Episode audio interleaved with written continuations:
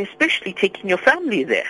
When you know how bad the situation is, where you are a target all the time, not for anything of what you you are doing, but merely who you are. In other words, you are white, you're Christian, you're European, and therefore you are targeted.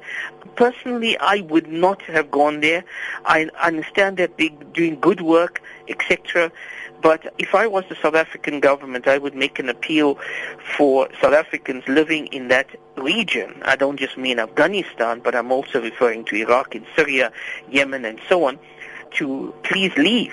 Solomon sê die Taliban is al vir baie jare aktief en val al hoe meer mense aan. We have seen an upsurge of the uh, Taliban attacks not only against other religious faiths but people who also who are Muslim but don't be, uh, uh, necessarily buy into their take on Islam in other words Sufi Muslims as opposed to Wahhabi Muslims. Hy skryf dit toe aan die onttrekking van die Amerikaanse weermag uit Afghanistan met die gevolg dat Afghanistan se owerheid nie die kapasiteit het om die Taliban te stuit nie.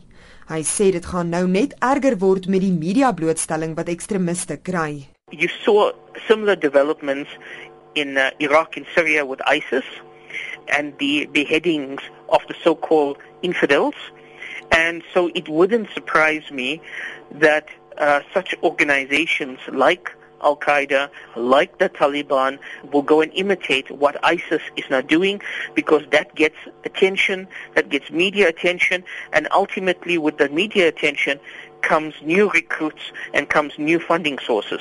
So it's also a strategic move as well. Volgens Solomon bestaan die Taliban uit 3 dele. You have religious ideology coupled with Pashto nationalism coupled with drug trafficking.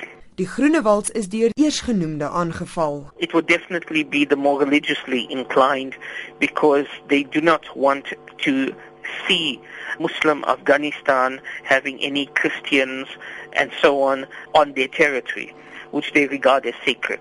Professor Hussein Solomon van die Universiteit van die Vrystaat. Ek is Henry Wondergem in Johannesburg.